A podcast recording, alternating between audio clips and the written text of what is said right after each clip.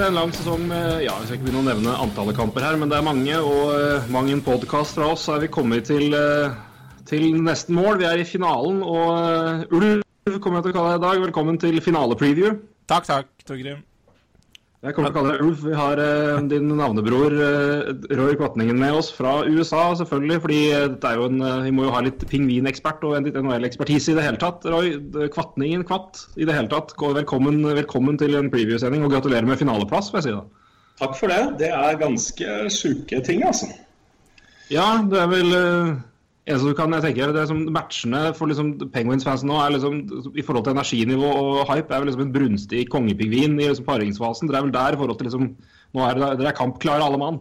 Ja, jeg, jeg tror den beskrivelsen passer på absolutt alle Penguins-fans akkurat nå. det, er, det er på Penguins-fans for de eller hva tror du? Det er vel det vi ja, her er vi vi kjører rett på.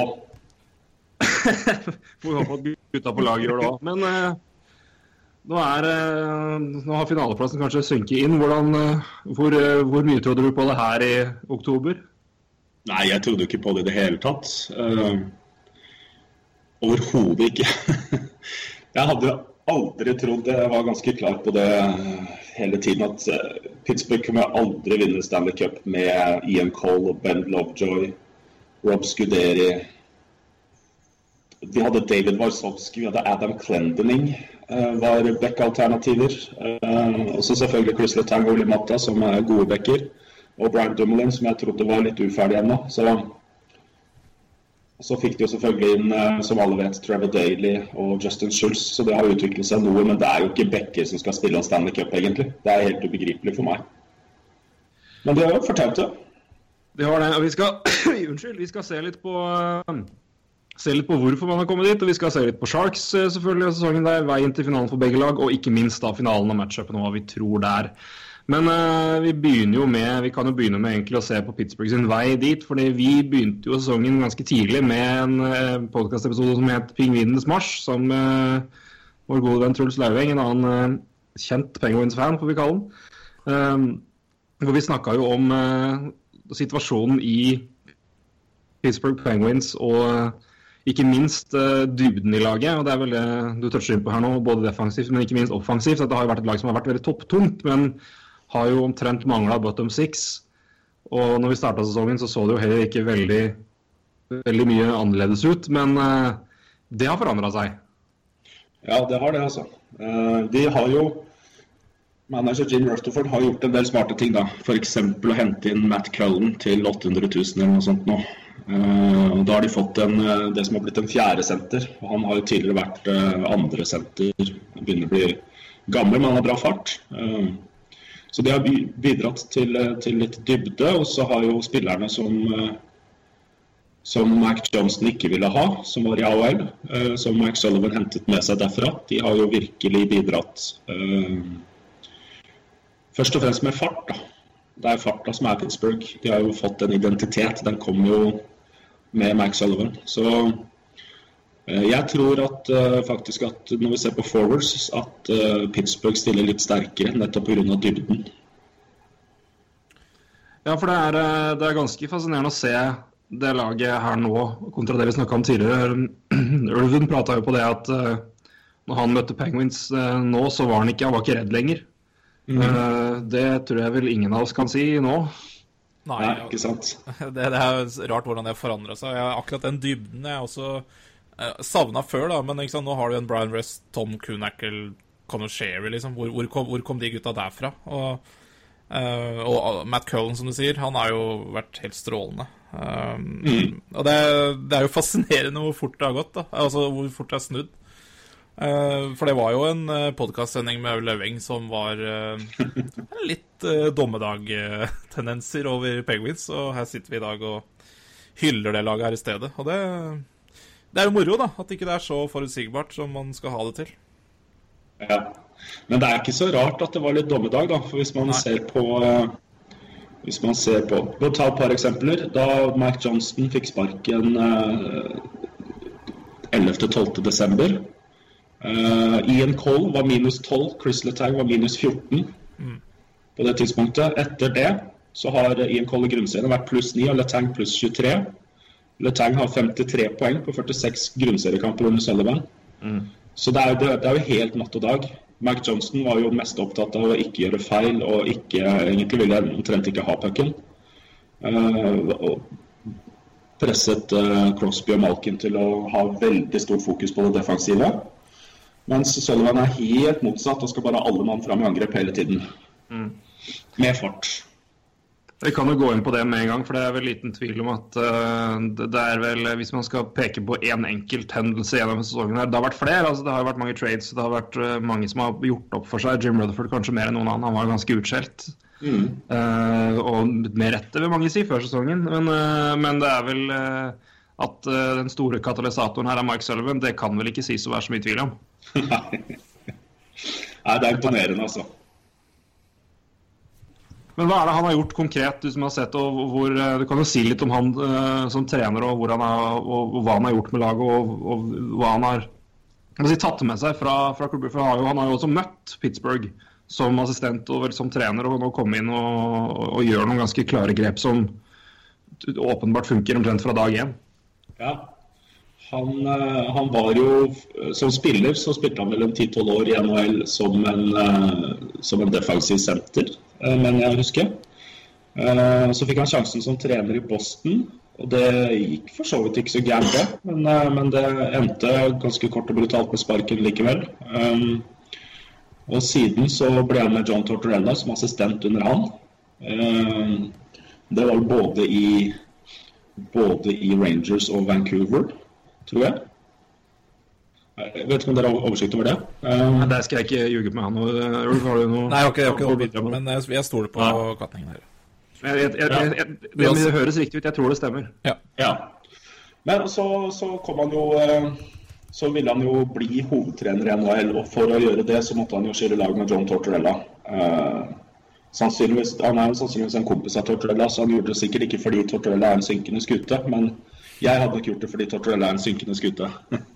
Jeg tror ikke det er så positivt å bli assosiert med den dinosaurstilen hans. Men, eh, men han kom jo til, eh, til farmerlaget til Pittsburgh, da, og der har de vært gode eh, til å plukke coacher. De har jo en rekke ganger de siste, siste tiårene promotert trenere fra farmerlaget sitt. Med hell selvfølgelig i 2009, da Dan Bilesma kom opp og vant Stanley Cup. Men det er, det er fart, da. Det er fart Sullivan eh, har identifisert som det viktigste for å vinne. Eh, Og det, nå er jeg selvfølgelig litt subjektiv som Pittsburgh-fan, så kanskje dere er litt spent på hva dere syns om spillere som Conor Shearer og Brian Rust. Um, de er jo teknisk gode, og sånt, men det er ikke en selvfølge for meg at de spiller i NHL. Um, men spillestilen til Pittsburgh de passer som hånd i hanske med farta deres og arbeidsinnsatsen. Og så har de litt tekniske ferdigheter og litt spilleforståelse, sånn at de kan bidra med noen mål her og der. Men det er farten, altså. Det er det å få, få backer som kan slå, slå pucken ut raskt og presist, um, og følge etter. Det er fart, fart, fart. Og viktigste, viktigste Man snakker jo om Trevor Daly, som han, han blir snakket mye om, og med rette. Men jeg tror Carl Hagelin har vært vel så viktig. Ja, han, er, han, er en, han er en motor, altså. Og hver gang han er på isen, så må motstanderens bekker rygge og så snu og jobbe hjemover. Fordi han bare Ja. Det er hardt å spille mot, tror jeg. Ja, for det er, Jeg skal kjapt si noe, for jeg skal spille ballen over til deg snart, Ulf. Så du kan- du får gjøre deg klar. Men eh, jeg, kan ikke så mye, jeg kan ikke si så mye om uh, Sherry Rest. Altså, jeg har sett det, men jeg kan ikke komme med en ordentlig god analyse. Men jeg tror vel du har sett mer enn meg. Men jeg tror vel det som er poenget med at de kanskje er på vippen av NHL. Jeg tror det gjelder ganske mange spillere, men det, det som vel er avgjørende for mange, er hvordan de klarer å passe inn i system, og, og ikke minst hvordan trenere klarer å tilpasse system rundt de spillerne man har tilgjengelig. Uh, og det er jo uh, minst like viktig. Men uh, var, du har jo prata mye om Du har i hvert fall nevnt Rust en del til meg. Hva, hva mener du om de gutta der? Jeg har kanskje nevnt Jeg har kanskje nevnt uh, Sherry mer enn uh, mer enn Ja, Sherry, Sherry, Jeg- Ja, jeg har veldig sansen for sånn uh, spillertype han er. Han er jo uh, ja, han er jo vel eh, knapt eh, høyere enn meg, og det sier jo litt. Han er vel en 1,75, stemmer ikke det? Og um, Ja, det høres riktig ut, det. er en liten eh, virvel der ute på. Eh, Jeg syns også han er litt gøy å se han eh, det er, Han har fart, helt klart, men han har også eh, Det er ikke lett å skubbe, den, eh, skubbe den gutten heller, til å være så liten. Og altså er ikke opplagt noe NHL-spill, eller jeg er vel enig i det, men jeg syns eh, han eh, Jeg tror han kommer til å få en fin karriere. Eh, Brian Rust ha, har jeg litt, men det er klart det, er vanskelig å kritisere noen av de gutta. Jeg syns de har spilt helt nydelig. Men, eh, men Conor Sherry spesielt har jeg fått som en liten favorittspiller altså, i Penguins. Så det, det er litt gøy å se sånne spillere òg. apropos Sullivan, han var eh, assistent ja, i eh, Tampa Bay uh, først. Og så fire sesonger i New York Rangers og Canucks. Så har vi det også på det regnet her. Kan jo legge til at han var interimtrener når Tortuella var uh, ute med suspensjon. Og så han var jo da under han der og etter hvert Så han fikk jo han fikk sparken da, uh, sammen med Tortuella. Og var, Nei, var, interessant. en kort periode, i- var en kort periode i Blackhawks som player development coach, faktisk, før han da gikk til uh, Spear, Scranton Penguins i AHL. Så Stemmer. uh, vært litt rundt. Det har vel de, de fleste trenere vært. Men, jeg, men apropos Sherry, da, han har, jo, han har jo 104 poeng på 138 altså, eh, college-kamper, og bare det sier jo det at det er jo en fyr som alltid har spilt i en Til tross for å være så lav da, og liten fysisk, så er det en spiller som alltid har spilt fysisk hockey, i hvert fall. Så Nå er det kanskje ikke kan igjen heller at han klarer å ta i litt igjen. Nei, og det, Han jobber så hardt, Ja. uh, og, det, og det gjør Rust også. De, de jobber så hardt. Og I tillegg så har så Sullivan er veldig flink til å gi spillerne selvtillit. Ja. Uh, fortelle at han tror på dem. Så du ser jo at disse gutta her de oppfører seg som de hører hjemme i NHL. Eh, og, resultatene viser at de gjør det.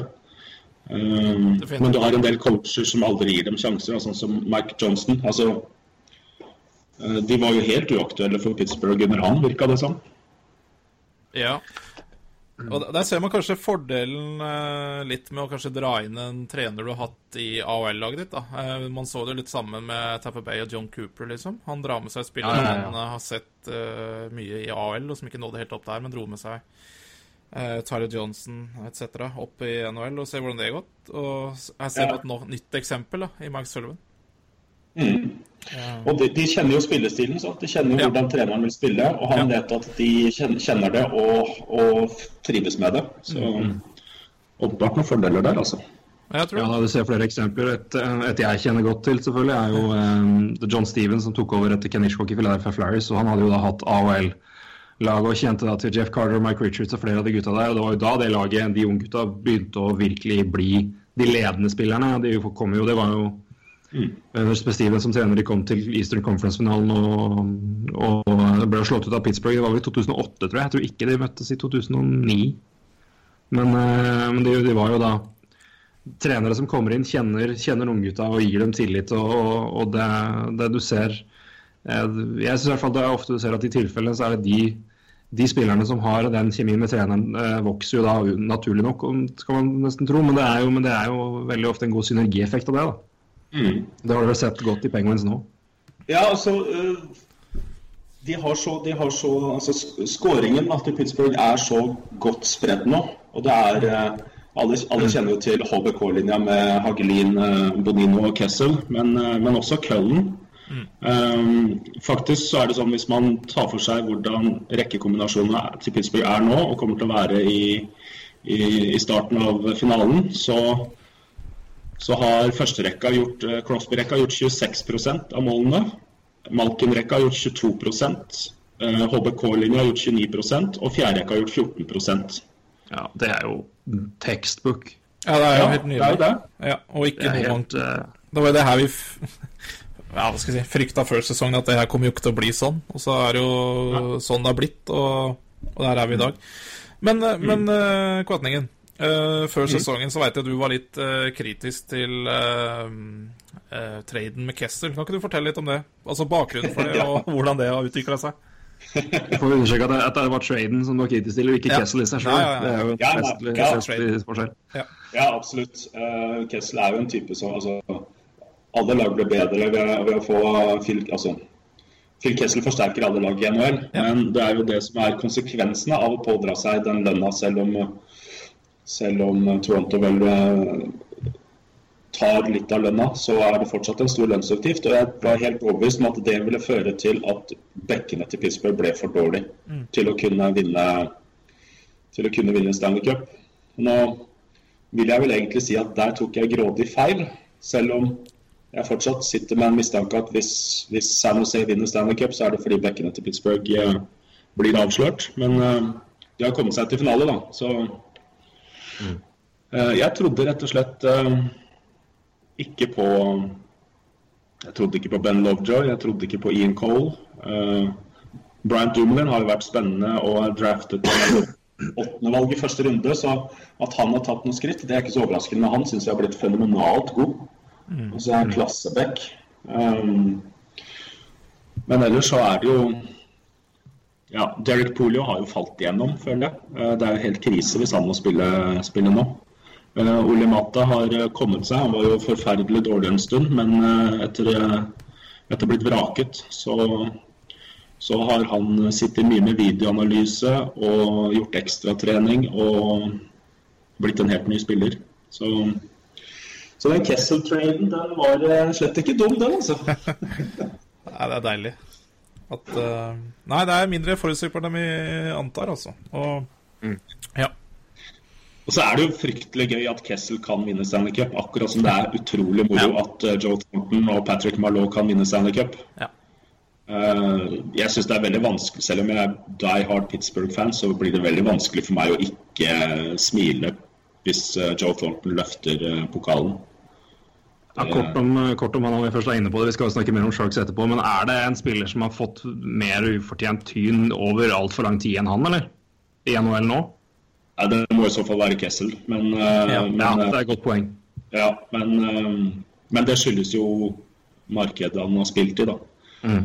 Tenker på Thornton, altså, som ble vraka basically i Boston i ganske ung, al- ganske ung alder. Ble han poengkonge i NHL samme året som han ble tradet bort. Ja. Så, så var han kaptein i San Jose, og så mista han kapteinsbindet pga. alle skuffelsene der. Og alt han har gjort, er bare å være en av verdens beste spillere hele tiden. Det, det er litt uh, Uansett hvem som taper den finalen her, da. Blir det San Jose Sharks, så får Thornton fortsatt kjeft for han er en dårlig leder på isen. Og taper Pittsburgh, så får Crosby enda mer kjeft for at han er en dårlig leder. Så Ja. For det er også en mann som får mye tyn pga. svakt lederskap, visstnok. Hva tenker du om det? ja. Nei, jeg syns jo det er tull, altså. Ja. Jeg syns det er veld, veldig tull. Um, han er jo ikke noe Ovesjkin, han er ikke noe fargekladd, men han er dønn seriøs. Uh, jeg tenker litt på han som Ole Einar Bjørndalen, jeg, som er veldig opptatt av detaljer og trener knallhardt og ikke tenker på noe særlig annet enn å vinne. Og hvis det, hvis det er dårlig lederskap jeg, Han er en spilleren som uh, jobber hardest i alle kamper også. Jeg kan ikke skjønne at det kan være dårlig lederskap. Nei, jeg, Men, jeg, for, eh, jeg forbinder ikke Crosby med dårlig lederskap, iallfall. Men, eh, men for all del. Det, det kan hende det er noen som følger deg tettere enn eh, meg og oss. Jeg vet ikke. Ja, Jeg vet ikke om Rart tre- game winning goals er Jeg vet ikke om tre game winning goals i en uh, Eastern Conference-finale er, uh, er tegn på dårlig lederskap og ikke stille opp når det gjelder. Men, uh, er Han fikk fortsatt kritikk, og det, Ja da. men det er før Ja. sjuende kamp, selvfølgelig. Ja, men, men altså, det skal sies at uh, han har jo ikke vært eh, dominerende offensiv i, i sluttspillet. Og, og han var jo dominerende offensivt i, etter at Sullivan kom inn. Han hadde 66 poeng på 52 grunnseriekamper. Så, Men han har ikke så trengt det jeg, jeg, Hva sa du? Han har på en måte ikke trengt det heller. Når du ramsa opp eh, poengene på, på rekkene, så har han jo ikke trengt det heller. Det, Nei, he, helt riktig. så det kan jo være like mye at det er blitt et lag, da, enn at det er bare, bare Crosby og Kessel og Malkin vi snakker om her. Ja, og kan eh, ganske sikker på at hvis, hvis han hadde levert offensivt, da, så hadde Ja. han fått, sikkert fått kritikk fordi han ikke fokuserte nok på det defensive. og Det er det som teller, og det er det som vinner mesterskap. Men eh, nå har han jo fokusert på det defensive, det som vinner mesterskap, og så får han kritikk for at han ikke bidrar med nok offensivt. Så det er vanskelig. Ja. Det er vanskelig å vinne den PR PR-krigen i, eh, i NHL. Tydeligvis. Kort poeng eh, apropos det, for den ting som slo meg nå, det her vet jeg ikke om du har mer Jeg har ikke oversikt over det i det hele tatt, men det er mulig du har det, Kvatt. Men med tanke på at skåringa har vært såpass jevnt fordelt og at de drar såpass godt, hvordan er Jeg tenker jo da at istida til de beste linjene naturlig nok kanskje har gått litt ned. At det har vært Ja. mer jevnt fordelt i sluttspillet. Hvordan har det vært fordelt? Det er klart, det er jo åpenbart en faktor. Ja, eh, helt klart. Eh, Veldig interessant hvordan han bruker eh, istiden sin, Sullivan. Eh, tror jeg har et snitt på 17 minutter eller noe sånt. Og det er, det, er, det er nesten uhørt. Um, Cros Crosby har vel eh, han Crosby spilte mye på de siste par kampene mot Tampa Bay, så han har et snitt på over 20. Men um, det er veldig veldig jevnt fordelt. Altså, Crosby og Malkin spiller jo mindre enn de fleste supportere ønsker. Eh, Men Sullivan er veldig klar på at uh, suksessfaktoren deres er at uh, spillerne er uthvilt. At han ikke kjører dem i grøfta eh, og sliter dem ut. At det er en viktig årsak. Eh, Og så er det jo også noe positivt ved at spillere i tredje og fjerde kan få mer istid. At de er mer involvert i kampen. Jeg tipper det også bidrar til å øke prestasjonene deres. Så det har slått veldig, slått veldig positivt ut, og det er veldig bevisst. Um, og interessant å se hvordan i de første fem kampene mot uh, Tampa Bay hvordan uh, istiden til Crosby og Malky ble holdt nede. Og i kamp seks og kamp sju så kunne han på en måte kjøre på uh, og gi dem mer istid, fordi da, da trengte de det. Og da Ja, den gikk jo fra 18 Korrigerer meg selv litt her, da. Crosby spilte faktisk bare 18 minutter i kamp 6, han. Og, 23, 23 minutter i kamp 7. Så i kamp 7 så ble det mye, da. Men da hadde han en måte holdt han litt frisk, da. Og det kan jo være at det er en av grunnene til at det var Pittsburgh som gikk videre, ikke Tampa Bay. Um, at han kunne bruke Crosby litt mer da, og Crosby hadde litt mer eh, guffe. Um, så han er veldig veldig bevisst på hvordan han bruker istid. Det er vel de fleste coacher, men Sullivan gjør det litt annerledes. Um, så det er interessant at du spurte om akkurat det. En ting til jeg gjerne vil høre litt mer om. Vi, har, vi prata en del om, om Murray og Flurry, uh, Flurry sist, så vi, da, um, vi, vi kommer inn på det igjen når vi kommer inn i Vi skal se det på sluttspillveien. Men før vi går videre til Sharks og sesongen de har hatt gjennom grunnserien, og, og hvordan de har overraska noen der. Men det, det som vi prata mye om Forsvaret, men uh, hva hva er det Sølven har gjort konkret for å, å heve standard på Forsvaret? For jeg, jeg tenker jo det, det, Noe man alltid påpeker, er jo det å, å fremheve det positive og gjemme det negative. Hvordan, hvordan klarer han det med en, eh, med, med en sekser som på papiret er uh, langt unna toppen i NHL? Ja, uh, han, han bruker jo Letang veldig mye, da. Letang, Hvis Letang spiller fryktelig mye. Det er 28, over 28 minutter i kampen, er det ikke det? Ja, i, I snitt? I snitt, ja. Det er høyt. Vet. Eh, så, og nå er jo ikke jeg av den oppfatning som eh, det virker som stort sett alle andre er, at Letang er dårlig defensivt. Jeg syns han er en veldig god defensiv back. Med, men han er kanskje noe ustabil. Han har noen kamper hvor han gjør litt sånn eh, enkle feil. Men sånn totalt sett så syns jeg han er en veldig god defensiv back. Eh, og ganske smart um, med puck og posisjonering osv. Um, men sånn ellers Jeg, jeg vet nesten ikke, altså. Jeg syns det er veldig ubegripelig at, at de er i finale med de bekkene der. Uh, Brian Dumlin spiller jo også mye. Han er den som spiller nest mest. Um, spiller 21-24 minutter per kamp. Og han er bunnsolid, altså. Han taper jo omtrent ingen dueller ved vantet. Han er smart med pucken. Jeg tror han kommer til å utvikle seg offensivt også i årene som kommer. Uh, han syns jeg er ordentlig god back. Um, og for Ben, ben Lovejoy og Ian Cole så handler det bare om å gjøre ting enkelt. da. Prøve, prøve å unngå å gjøre feil. Uh, være tøffe foran eget mål. Uh, men, uh, men ja, de har jo spilt bra, så de, Hvis man er opptatt av Corsi f.eks., så ligger Ben Lovejoy og Ian Cole i sluttspillet nesten på 50. De har 49,5 og 42,3. Eh, så det er ikke gærent når det er svakhetene dine. Sammenligner man med San Jose, da, som har Brendan Dillon og Roman Polak nede på tidlig på 40-tallet. 44, 43, 44 eller noe sånt. Så eh, Men de, de, har, det, de, de, eh, er gode med pucken, da. Ja, nettopp. De er gode med pucken, så de kommer seg fort ut av egen sone. Tenker, jeg, Sånn som Pittsburgh så jo det i hvert fall mot uh, Tampa Bay, da. Med de uh, outshoota vel Tampa med 91 skudd på de sju kampene eller noe sånt, gjør de ikke det? Så det er jo de, de har jo eh, De har jo definitivt hatt angrep som kanskje beste forsvar, da. Eh, og da er det klart, da blir man vel kanskje litt mindre arrestert bakover enn eh, kanskje normalt ville gjort. Jeg vet ikke.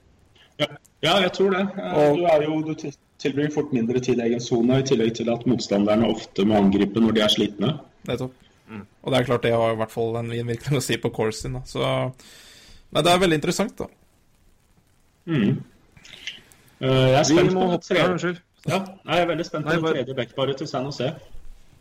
Ja, det er, eh, det er vel det som er det, det største spørsmålstegnet der. Men, eh, men apropos San Jose, så kan vi hoppe videre og se på de og, og hvordan de har gjort det, og, og hva de har gjort i år. For det er, det er et lag som vi til det kjedsomme må gjenta at vi vel eh, trodde han er så vidt utafor sluttspill, og som vi var kritiske til måten de gjorde det på. Ikke nødvendigvis pga. måten de skulle gjøre det på i år, men for i, årene fremover etter det. Men eh, det er jo en, en trener som eh, har en historikk hvor gjøre det godt med første året med lag, og har gått inn og, og gjort en veldig god jobb der. og Spillere som en, en gammel kjenning av deg, som heter Paul Martin, som har hatt en, en meget positiv på, innvirkning på laget her, spesielt da i, i par med Brett, med Brett, med Brett Burns. Hva, hva syns du om den sesongen som eh, det San Jose-laget har gjort, for å ta fram til sluttspillet i første gang nå? Eh, Spør du meg, eller vil du nå? Jeg, nei, nå, spør jeg deg, Kvatt. Ja.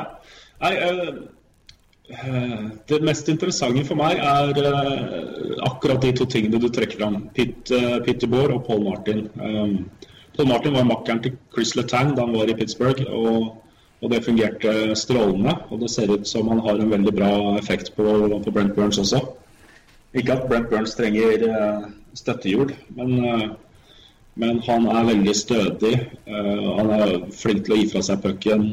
Eh, flink til å dekke opp. Brent Burns kan ta litt større sjanser fordi Paul Martin eh, vet å posisjonere seg og holde igjen. Så, så jeg tror at eh, Paul Martin har eh, litt av æren for at Brent Burns har blitt så inn i granskauen god. Eh, og når det gjelder Peter Bård så syns jeg det er veldig interessant å lese om eh, hvordan San Jose har hvilt seg til finale. Eh, hvordan Spillerne i San Jose har stort sett trent veldig hardt hele tiden. Spillerne i NHL trener veldig hardt. De trener jo på kampdag eh, til og med, veldig ofte. Eh, men Peter Bohr mente at det var et problem i San Jose at spillerne trente for mye. At de ikke hadde energi. De reiser jo veldig mye. Det er vel et av de lagene som reiser mest. Eller lengst. Så de, han har rett og slett tvunget spillere til å ta fri. Eh, holde dem borte. Og hele gjengen der mener jo nå at det er en av grunnene til at de er i finalen. Kanskje den viktigste grunnen til at de er i finalen. At de har eh, beholdt energi.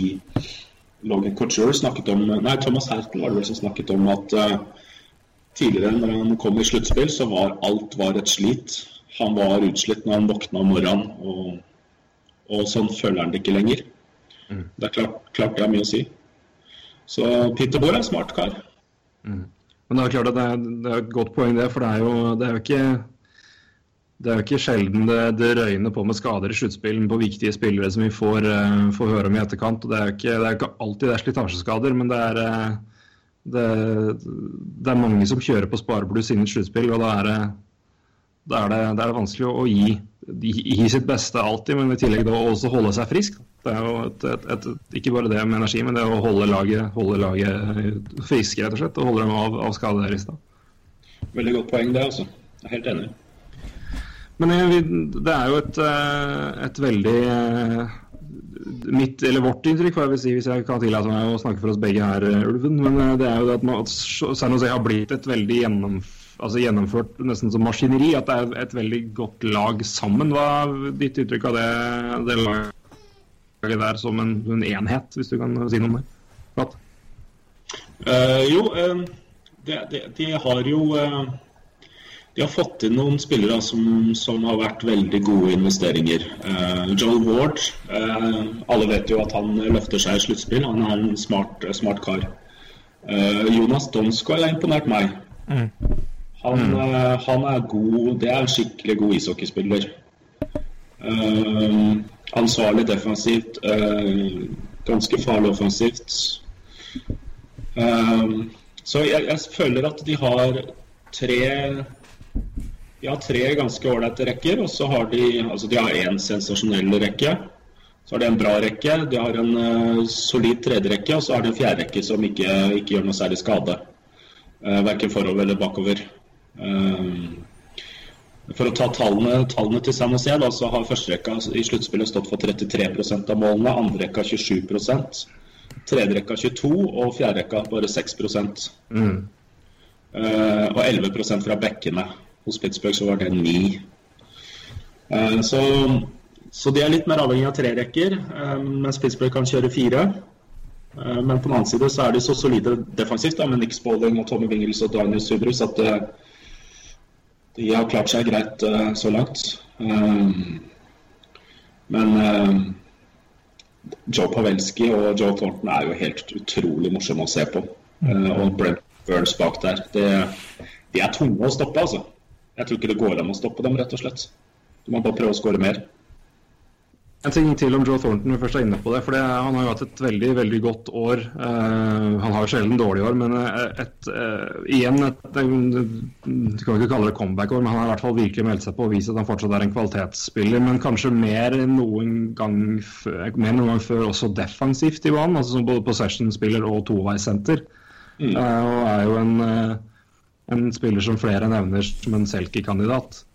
Uh, og som uh, vel uh, i hvert fall var høyt med oppe i diskusjonen der. Hvor imponert er du over den utviklinga han har, og ikke bare som den playmakeren som han alltid har vært, men også som en, en, en mer ansvarlig spiller begge veier? Ja, jeg er helt enig i det. Jeg ville faktisk gitt Selke til han, jeg, um, mm. hvis, hvis, det var opp til meg. Um, han, er, altså, han, han, spiller hockey som det bør spilles, da, syns jeg. Um, og han har, han har, jo så fenomenale pasninger også, og han har rutine, han har ro, så han blir aldri stressa. Så uansett om det er offensiv sone eller defensiv sone, hvis han får pucken, så skjer det positive ting. Um, um, ja, han har 82 poeng på 82 kamper i grunnserien og har 18 på 18 i sluttspillet. Og han uh, fyller 37 år i sommer. Det er ganske fenomenalt. Ja, vi prater om at dette blir et yngre og yngre spill og en yngre og yngre liga, så er det ganske det, det, er, det er verdt å merke seg. Ja, og det blir jo mer og mer viktig med fart, men uh, ikke for farten. Uh, det er litt interessant at han, Spillet hans er så lite avhengig av fart uh, at jeg tror han kommer til å kunne spille på høyt nivå i et par-tre år til, i hvert fall. Mm. Fordi, fordi, det er ikke fart som gjør han god. og farta mister du jo når du blir eldre, så han på en måte mister ikke det som mange andre spillere mister. Da. Så hvis Crosby mister farta, så er han kraftig redusert, selv om han er fenomenalt god på alt annet. Men sånn er det ikke med Thornton. Nei, det er en veldig god sammenligning, for han er jo mye mer eh, Hvis vi kan trekke det inn i en annen, eh, annen setting Han er jo en, en, en, mye mer fysisk eh, Han er nesten sånn, du, For de som tar den referansen i forhold til basketball, han er nesten litt sånn post-up-spiller. At han bruker på en måte fysikken og skjermer unna framfor å bruke fart for å runde mm. å komme seg opp. Altså, han, han, trenger ikke å finne så mye, like mye åpen is som alle andre, fordi han klarer å holde unna. Litt, sånn, litt samme som Jari Jagi på ja, egentlig post lockout. at han, har, eh, han, han, trenger ikke å, å, ha all verden svart for å slå spillere, for han klarer på en måte å holde unna og, og, og nesten skjerme i, i offensiv sone. Ja, og det er så tydelig i Powerplay, når, når San Jose er i Powerplay, hvor viktig Joe Thornton er. Altså, Joe Thornton er alfa og omega for det Powerplay, mener jeg. Mm. Uh, jeg vet at det er Pavelski som stort sett skårer målene, og Couture skårer veldig mye, og Brent Burns er uh, livsfarlig fra, fra bekken der. Men så mange ganger hvor Joe Thornton er under press og ikke blir stressa og ikke mister pucken. Og de holder seg inne i offensiv sone. Um, og han kan slå noen eh, elleville pasninger. Um, hadde en til, Thomas Hertel fra langs mållinja omtrent, hvor Hertel kom på baksida av keeperen. eh, hang jo ikke med i det hele tatt. Um, tror det var Jake Allen. Men Nei, Joel Thornton er nøkkelen eh, for meg altså, i San Jose. Selv om Pavelski skårer mål og Couture er god og Burns er god, så er, eh, står og faller det på Joe Thornton, mener jeg også. altså. Ja, uten tvil en, en veldig viktig spiller. Uh, jeg tenkte etter hvert å hoppe litt inn og bare se kjapt på, på veien til finalen for begge lag. Hvis ikke, men Ulv, er det noe du mer du vil uh, ta opp om, om Sharks før vi går videre? Vet du hva, uh, Kvatningen eh, tror jeg hadde det meste eh, på stell der, altså. Jeg er helt enig. Og det Joe Thornton han har vært morsomt å se eh, løfte Stanley Cup-pokalen. Beklager, Kvatningen. Nei, jeg er helt enig. Ja. jeg klarer ikke å la være. Jeg har så sans for han. Ja. Um, og, og så blir det jo sånn at når, når han får så mye tyn i så mange år, um, så Ja. må du bare heie, på- du må bare heie på han. Ja. Uh, Og litt ekstra gøy, eh, sånn liten, liten notis som er litt artig, er at uh, hvis han eh, løfter, eh, løfter eh, pokalen i Pittsburgh, så skjer jo det da i samme sted hvor han ble drafta. Så Det er artig, artig, artig. Det er faktisk veldig artig. Den spilleren som startet på en måte sitt liv i NHL i Pittsburgh, kan endelig krones til konge i samme by. Men det er, li, det er Det lite er- Men uh, dra litt videre på Sharks, så er det er lite, slutts, altså, lite finaleerfaring i laget, da, i hvert fall. Det, kontra det er i uh, Pittsburgh. Eh, det er vel bare Subrus, tror jeg, som har finaleerfaring. Og Martin Jones, men han sto vel ikke rar greiene. Så eh, all- mye erfaring er det jo ikke der fra en finale, da, men det har kanskje ikke all verdens å si. Nei, Jeg vet ikke. Jeg syns det, det er litt interessant akkurat det du tar opp der. Uh, er det en fare for at de kan ville for mye? At Ja, de kan jeg- jeg, tror jo det er et, jeg tror- jeg tror det er et godt poeng, altså, egentlig allikevel. Jeg, det er, hvor mye det gjenstår å se, men det, det ser man kanskje fort i kamp én. mm, Eh, Men samtidig så er det litt unikt, hvis jeg kan bare spille inn kjapt. For det er jo et, det er et lag som kommer til finalen for første gang, og mange er der for første gang. Men samtidig, jeg tror vel du skal godt lete for å finne en mer rutinert gjeng som er der for første gang. Ja. Sånn sett, Og, i, og i sluttspillkamper så, så har faktisk Joe Thornton flere enn Crosby. ja. mm. så, med et lite funny poeng, eh, en liten funny quiz før vi hopper videre her. fordi Du nevnte jo Joe Thornton og, og draft uh, i Pittsburgh. Han ble jo tatt uh, first overall av Boston Mm. i 97, var det det? Mm. Riktig. Ja. Men uh, Joe Thornton hadde en ganske medioker rookiesesong. Rett og slett ganske Ja. dårlig. Men det var en annen Boston-spiller som vant Rookie of the Year, Caller Trophy. Hvem var det? Det tror jeg var Jim Terry. Ulv, har du noe peiling. Har ikke peiling. Kerry, det var eh, Capitals i jeg tror det var 95. Ah, var det det, ja? Riktig. Men eh, nei, det var Sergej Samsonov. Samsonov, ja. Sergej Ja, ja, ja. Samsonov. Som ble Rookie of the Year. Og uh, vant vel med, Cap med Carolina Hurricanes for ti år siden, gjorde han ikke det? Ja, stemmer. Stemmer. Så uh, da har han en, en ring. Thornton kan få, kan få sin første nå. Og det er mye takket være mm. Kan jeg få lov til å gjette hvor mange poeng eh, Thornton hadde i første sesongen sin? Du skal få lov. 18? Jeg tror nesten det er halvparten, skjønner du. Oh, er det så ille? Han hadde en virkelig ikke god første sesong. Jeg skal finne karrierestats her. Nå skal vi se. Han hadde sju poeng på 55 Sju, kamper. Oh, 55 kamper, sju poeng. ja, Så han hadde en, en tøff start. Det kan man si da.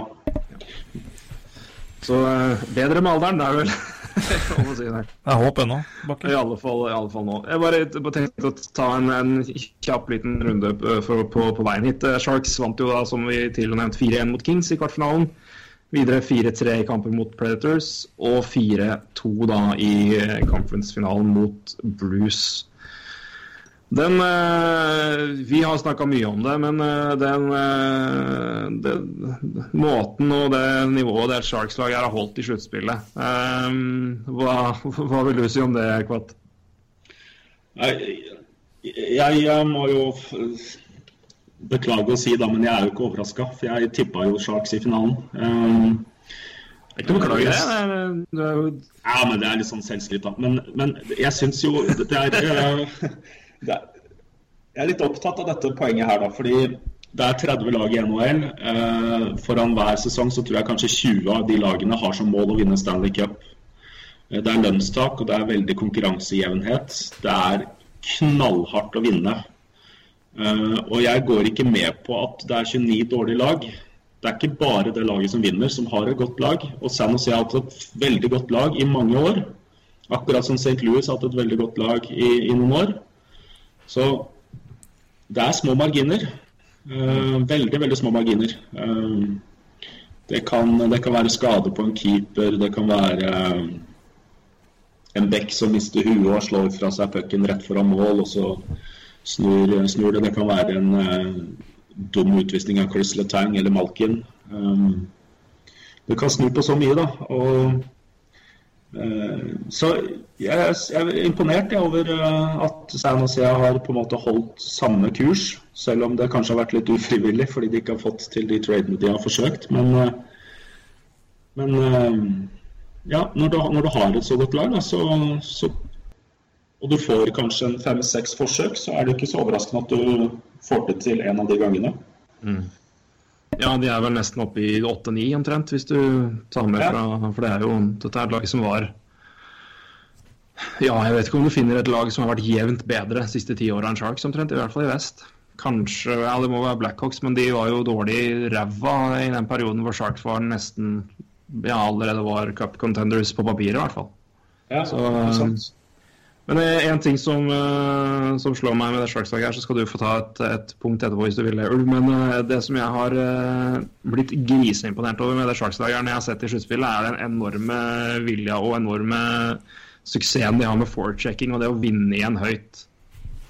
Hvor, hvor avgjørende har det vært i dine øyne med måten de har spilt på, og måten de har de, iblant på totalt dominert perioder av kamper og kamper i det hele tatt?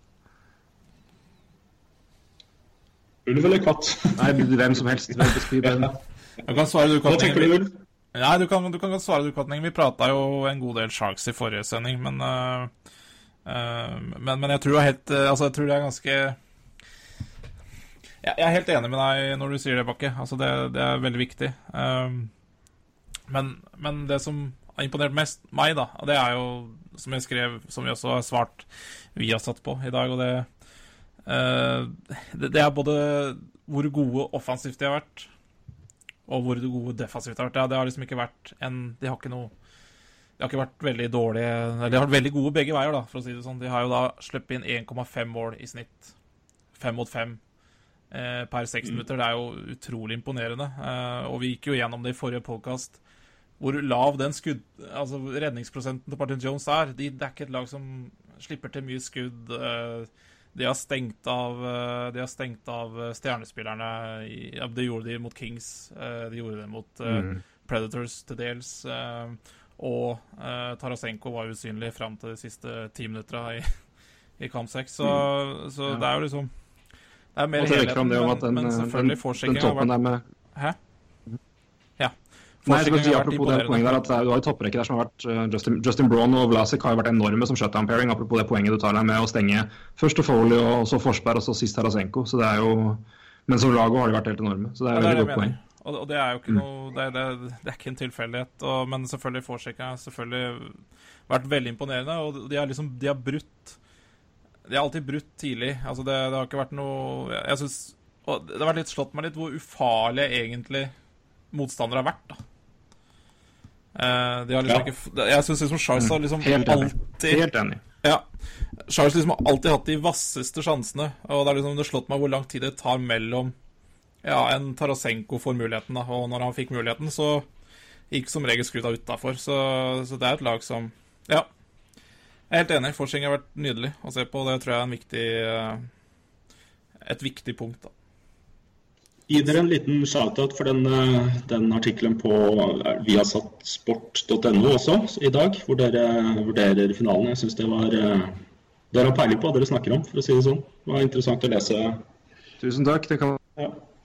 se på, Vi har en lenke på Facebook og Twitter, men hvis ikke så er det på viasport.no, som jo er en, en flott side i det hele tatt for den, all den idretten som vi har, satt, har tilgang til. og Der har vi som sagt nevnt høydepunkter fra NHL og ja, i det hele tatt. Så det er, sjekk det og få litt godstoff der. Men der har vi da gitt vår lille prediction og lille vurdering.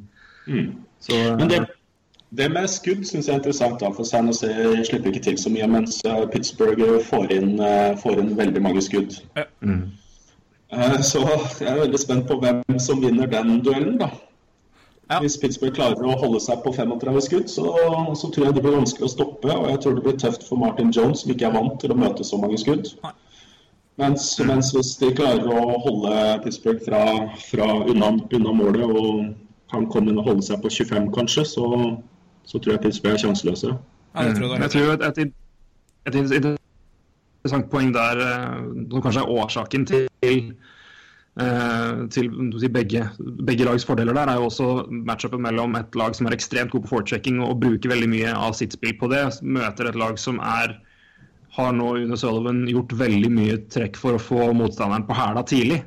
Altså transition-spill hvor du ofte må rygge og ofte må ja, som sier, du, du treffer om hagelina at forsvarsspillerne må snu seg, de må kjøre ryggen til for å få fart hjemover og så vende om. Det er, eh, det er også en veldig, veldig spennende duell. Kanskje den mest sentrale, hvis du skal se på styrker i laget, om, om hvilken vei det der kommer til å bikke. For det er klart at det er et lag som er vant til å slippe til få skudd mot et lag som er, eh, skyter mye. Det er jeg tror det er en nøkkelbit med hvem er det som er det transition-spillet til Penguin som dominerer. Det er Shark som klarer å forececke dem ut av det. Ja. Det som i hvert fall er helt sikkert, eh, når det er så mye uvisst her eh, Jeg tror dette kommer til å bli en forrykende finaleserie med veldig morsom og underholdende hockey. Eh, det er ingen her som prøver å ødelegge på en måte, Det er ingen her som har primærfokus å ødelegge for motstanderen. Primærfokus er å ha sitt eget spill og kjøre på. Og Sam og ser også på et ganske bra fart i laget, så jeg tror i hvert fall det blir underholdende her. Eh, og så er jeg spent på Matt Murray da, mot eh, Martin Jones. Kan jeg ta et poeng? Ja, vi kan mm. Jeg leste en artikkel her før i dag. Uh, siste 20 åra, og altså målvaktsduellen i, Stanley Cup-finalen Uh, Så uh, før, før sluttspillet starta, så hadde de 112 kamper til sammen, Matt Murray og Martin Jones. Nummer to på den lista de siste 20 årene, den, den husker kanskje du, Bakke? Antall kamper i regular season. tror du- Ja, altså Nå snakker jeg om antall kamper i regular season. De to keeperne som Ja. møtes i finalen her. Matt Murray og Martin Jones har 112 kamper. Nummer Yep. to på den lista, den bør du huske. Det vil jeg tro er Niemi mot Michael Layton. Korrekt. 140 kamper. Ja. Og etter det så er det Corey Crawford Tukka rask i 2013 med 290 og sånn. Så det er, det er to eh, To, to Ja. ferske målvakter, kan du si. Ja, det er det. Uh, det, ja. Eh, det er den ene Som må tror- sies å langt mindre erfaring enn den andre, uansett hva man uh, vil vente på det. Både i alder og antall kamper. Men Murray har jo imponert vel så mye, han. Ja, han er jo rett og slett en fenomenalt god keeper. Ja. Uh, selv, selv om man kunne se noen antydninger til at Tampa Bay etter hvert fant, uh, fant noen svakheter hos ham, så, så er det noe med at du må Stort sett så må du treffe vinkelen da, for å, for å overliste han. Han mister jo ikke huet. Han, blir jo, han er jo like stødig etter et tabbemål. Ja, veldig, veldig mentalt balansert. Og posisjoneringen hans er helt helt fenomenalt bra. Uh, han er stor. Uh, ja, han er, jeg har ment en stund at han er et lite hakk bedre enn Fleury. Og Fleury er ganske ålreit, i grunnserien i hvert fall. Eh, men Martin Jones har det, som du nevnte, Ulv.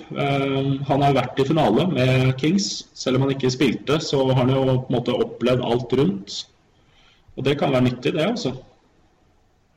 Ja, for det er, eh, Nå skal jeg ikke trekke noen direkte sammenligning til verken Nemi eller Laton, Leighton, for det er, det er klart det er helt, helt, forskjellige, helt forskjellige situasjoner og, og ikke minst keepere og hvilken, hvilken, eh, hvilken tid og hvilken posisjon de har hatt. Murray kom inn som et ungt talent med masse, masse, masse, masse hype rundt seg. og med vel vært, Samme med Martin Jones, som har vært, eh, nå får sånn første ordentlige sjanse. Men eh, det var jo to keepere som var glitrende for hvert sitt lag gjennom hele, hele sluttspillet når de fikk sjansen, men som vel begge falt litt igjennom uh, i, i, finalen. Den ene dessverre mer enn den andre, for, min, for, min, del. Da. For de ja. som uh, husker det. Men, uh, men, det er jo det er åpenbart at det er, um, det er også en liten, et lite, vi kaller det en liten asterisk, en liten stjerne oppi margen på keepersituasjonen. For det er det er keepere som har gjort det veldig godt og bevist veldig mye, men samtidig det er det er første gang i en Stanley Cup-finale, og det har vist seg gjennom historien at det, det, er noe annet det, altså når du først kommer dit. Så det er, Vi skal ikke ta det som en selvfølge at, at noen av dem holder det samme, samme nivået. men det, Jeg heller jo mot at begge kommer til å gjøre det, men det er, det er absolutt et, et lite spørsmålstegn, det òg. Mm. Ja, og så har du jo trenere som kan overtenke ting, da. Nå syns jeg for så vidt ikke Dere diskuterte dette byttet med Fleury og Murray i forrige sending. men uh, jeg syns forstått ikke det var noe, noe, tabbe å gå til Fleury, og jeg tror Murray hadde godt av en pause. Han hadde sluppet inn ti mål på tre kamper, selv om ingen mm. var hans feil. Mm. Uh, men, men, hvis man ser på St. Louis, da, som gikk fra Elliot til uh, Jake Allen mm. uh, Det er ikke utenkelig at St. Louis hadde vært i finalen hvis Ken Hitchcock bare hadde beholdt tilliten til Brian Elliot hele veien. Det er små marginer. Ja. Absolutt. Uh, det er, og, og, det var ganske forutsigbart at Pittsburgh skulle tape når de gikk til Fleury. Uh, jeg sa i hvert fall det i forkant, at det var en av, mine, en av de tingene jeg var fryktet, var at Murray skulle bli vraket, og en rusten Fleury som har choket i over 50% av ja, Jeg overdriver litt, da, men han har choka i tre sluttspill, i hvert fall. Um, mm. Og kommer inn rusten. Så det var veldig forutsigbart at Pittsburgh kom til å tape den kampen han starta. Mm. Um, og, og, det ble veldig kostbart for St. Louis. Så hvis, hvis uh, Sullivan nå finner ut at uh, hvis Murray står i en dårlig kamp, og så går han til Fleury, så tror jeg fort det da blir det tap nummer to. Og så hva skjer, hvem, hvem står neste kamp da? Altså det, trenernes bruk av keeperne kan også bli avgjørende. Men er det, for, for det, det, var litt av det poenget vi snakka om med, med keepersituasjonen her, at uh, at, uh, altså, jeg, jeg, kunne for så vidt forstå det. altså Jeg var uenig, men jeg kunne forstå det ut ifra noen få argumenter med Jake Allen sin del. Og jeg ser jo også poenget med, med Pittsburgh, men det som jeg syns var interessant, var jo måten de gikk tilbake til Murray på, og, og, og, og, hvor mye Mike Sullivan ola seg på det. Og det er klart at I den situasjonen så har han jo helt rett i at Murray nå er en friskere, bedre keeper, og Flurry er rusten. men hvor, eh, hvis nå Murray får en shaky start og Flurry får igjen, han, er, han kan vel umulig føle seg helt topp etter å én være rusten, to bli vraka med, med den, med den meldinga fra treneren. Ja, jeg, jeg, jeg, tror jo Sullivan har bestemt seg for at nå er det Murray resten av sluttspillet. Ja, det er noe annet vil overraske meg veldig stort, i hvert fall. Ja, ja. Men samtidig så det, ligger det litt sånn i keeperspillets natur. Altså, det er en tøff posisjon. Uh, når, du, når, du, spiller en 15-20 kamper, så kommer det en sånn stinker fort. da. Mm. Og Det kan komme for Murray, en sånn skikkelig drittkamp. Ehm, så, så, jeg er ikke 100% sikker på at Sullivan ikke går tilbake til Florida, men jeg tror han har bestemt seg for at det må være Murray. Fordi uh, man kan ikke man kan ikke overtenke, man passer seg for ikke å overtenke. Det, det, mm. det, eneste, det spiller ingen rolle hvem som har hvor mye lønn, det spiller ingen rolle hvem, hva slags status Fleury har. Det eneste som spiller en rolle, er å vinne neste kamp. Det er det eneste som betyr noe. Mm. Um, så men det er, ja, det er en mulighet for at selvfølgelig hvis Murray har en skikkelig stinker, at eh, Fleury kommer inn igjen. og det så kan det selvfølgelig hende at Fleury fikk av seg rusten i forrige kamp da, står fenomenalt. Men uh, jeg håper og tror det er Murray resten av veien. Mm. Men at, jeg er ikke sikker på om det betyr at Murray er førstekeeper når neste sesong starter. Det, det, vet jeg ikke.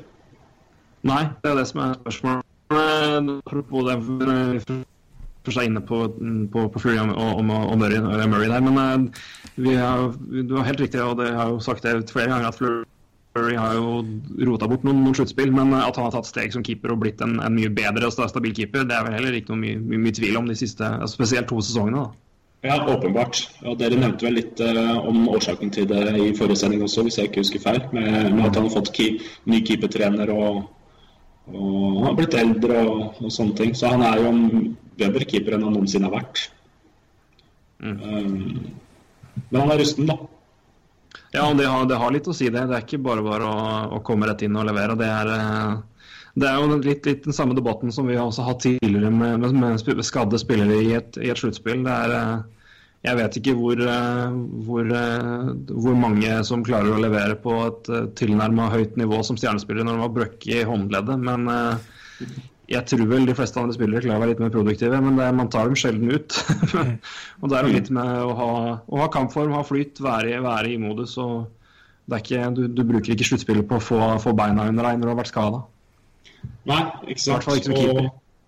Og, og øh, hjernerystelse kommer, øh, kommer Tommy Wingles inn i 120 i, i deg og skal krasje deg én gang per skift.